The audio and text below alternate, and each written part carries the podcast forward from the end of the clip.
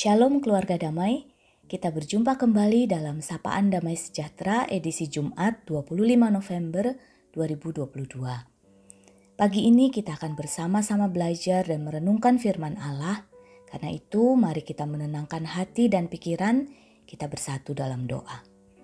Tuhan Allah Bapa di surga, kami bersyukur buat hari yang baru ini, di mana kami masih beroleh kesempatan untuk bersama-sama merenungkan firman-Mu.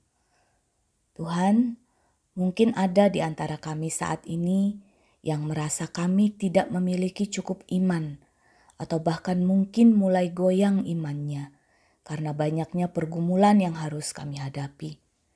Tuhan, kami mohon kekuatan yang daripadamu. Biarlah kiranya firman yang kami dengar pagi ini boleh menguatkan kami untuk terus setia dalam iman kami kepadamu. Di dalam nama Yesus kami berdoa. Amin. Bapak Ibu Saudara yang terkasih, tema kita hari ini adalah faith and faithfulness, iman dan kesetiaan. Dan kita akan mendasari perenungan kita pada firman Allah yang tertulis di Ibrani 11 ayat 1 sampai 7. Saya akan membacakannya bagi kita semua. Iman adalah dasar dari segala sesuatu yang kita harapkan dan bukti dari segala sesuatu yang tidak kita lihat. Sebab oleh imanlah telah diberikan kesaksian kepada nenek moyang kita. Karena iman kita mengerti bahwa alam semesta telah dijadikan oleh firman Allah, sehingga apa yang kita lihat telah terjadi dari apa yang tidak dapat kita lihat. Karena iman, Habel telah mempersembahkan kepada Allah korban yang lebih baik daripada korban Kain. Dengan jalan itu, ia memperoleh kesaksian kepadanya bahwa ia benar karena Allah berkenan akan persembahannya itu dan karena iman ia masih berbicara sesudah ia mati. Karena iman Henok terangkat supaya ia tidak mengalami kematian dan ia tidak ditemukan karena Allah telah mengangkatnya. Sebab sebelum ia terangkat, ia memperoleh kesaksian bahwa ia berkenan kepada Allah. Tetapi tanpa iman tidak mungkin orang berkenan kepada Allah. Sebab barang siapa berpaling kepada Allah, ia harus percaya bahwa Allah ada dan bahwa Allah memberi upah kepada orang yang sungguh-sungguh mencari Dia. Karena iman, maka Nuh dengan petunjuk Allah tentang sesuatu yang belum kelihatan, dengan taat mempersiapkan bahtera untuk menyelamatkan keluarganya. Dan karena iman itu, ia menghukum dunia dan ia ditentukan untuk menerima kebenaran sesuai dengan imannya. Demikianlah firman Tuhan. Keluarga damai yang terkasih, penulis kitab Ibrani mengawali pasal 11 ini dengan pendeskripsian tentang iman.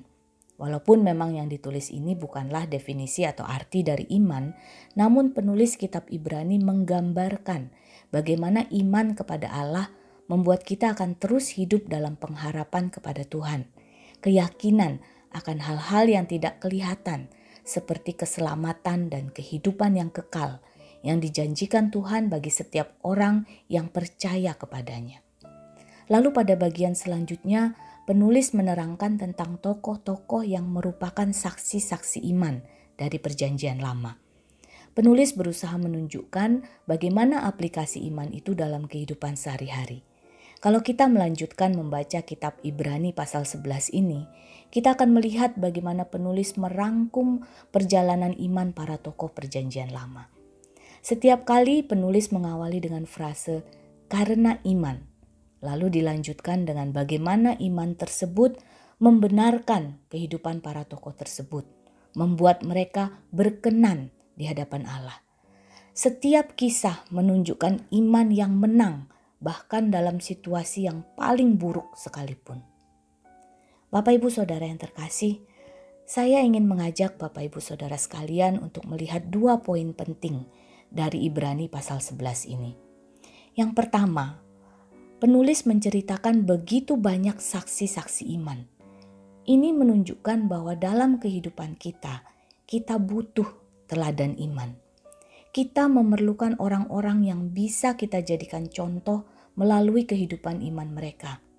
Kita perlu melihat bagaimana para pahlawan iman ini merespon segala kesulitan dan pergumulan yang harus mereka hadapi. kita perlu membaca atau mendengarkan cerita mereka, baik para tokoh yang ada di Alkitab ataupun yang ada dalam kehidupan kita saat ini. Kita perlu berada di tengah-tengah mereka yang dengan setia mempertahankan iman kepada Kristus. Bahkan ketika mereka harus menghadapi kesulitan dan pergumulan yang sepertinya belum tampak jalan keluarnya. Ketika kita melihat, membaca, mendengar, maka kita pun akan juga ikut dikuatkan. Ketika kita mengalami pergumulan, kita tahu bahwa kita tidak sendiri. Kita dapat belajar dari teladan para pahlawan iman ini, sehingga kita pun dapat terus setia dalam iman kita kepada Tuhan. Yang kedua, walaupun para pahlawan iman ini tidak melihat atau mengalami apa yang dijanjikan kepada mereka dalam hidup mereka di dunia, bahkan banyak di antara mereka yang mengalami penganiayaan, dipenjara, dibunuh, namun mereka dibenarkan karena iman mereka. Karena iman mereka berkenan di hadapan Allah. Walaupun mereka tidak mengalami banyak berkat, dalam hal ini berkat jasmani di dunia ini, tetapi mereka dibenarkan, mereka beroleh keselamatan, pembenaran karena iman. Ayat ke-39 mengatakan, dan mereka semua tidak memperoleh apa yang dijanjikan itu. Sekalipun iman mereka telah memberikan kepada mereka suatu kesaksian yang baik.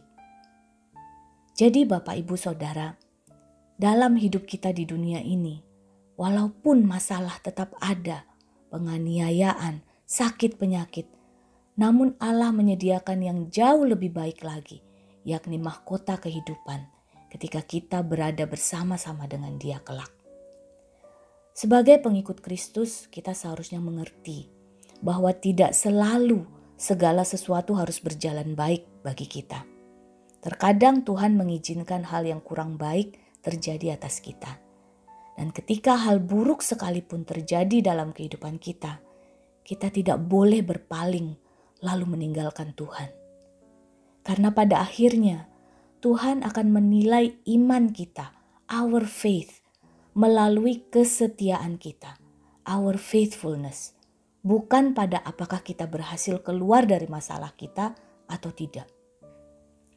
Bapak, ibu, saudara yang terkasih, berbicara tentang poin yang kedua ini, ada hal yang cukup mengkhawatirkan yang terjadi di sekitar kita saat ini. Ada begitu banyak orang percaya dan bahkan hamba Tuhan yang sering kali menilai iman berdasarkan outcome atau berhasil atau tidaknya kita melewati masalah kita. Kalau kita sakit, jika kita mempunyai cukup iman, kita pasti sembuh. Atau kalau kita punya masalah finansial, dengan iman Tuhan akan memberikan kita hidup yang berkelimpahan. Sehingga kalau kita kurang mampu secara ekonomi, itu artinya kita tidak beriman. Dengan iman kita bisa meminta materi apa pun kepada Tuhan. Kalau kita beriman, maka karir kita pasti sukses, keluarga kita pasti akan selalu baik-baik saja.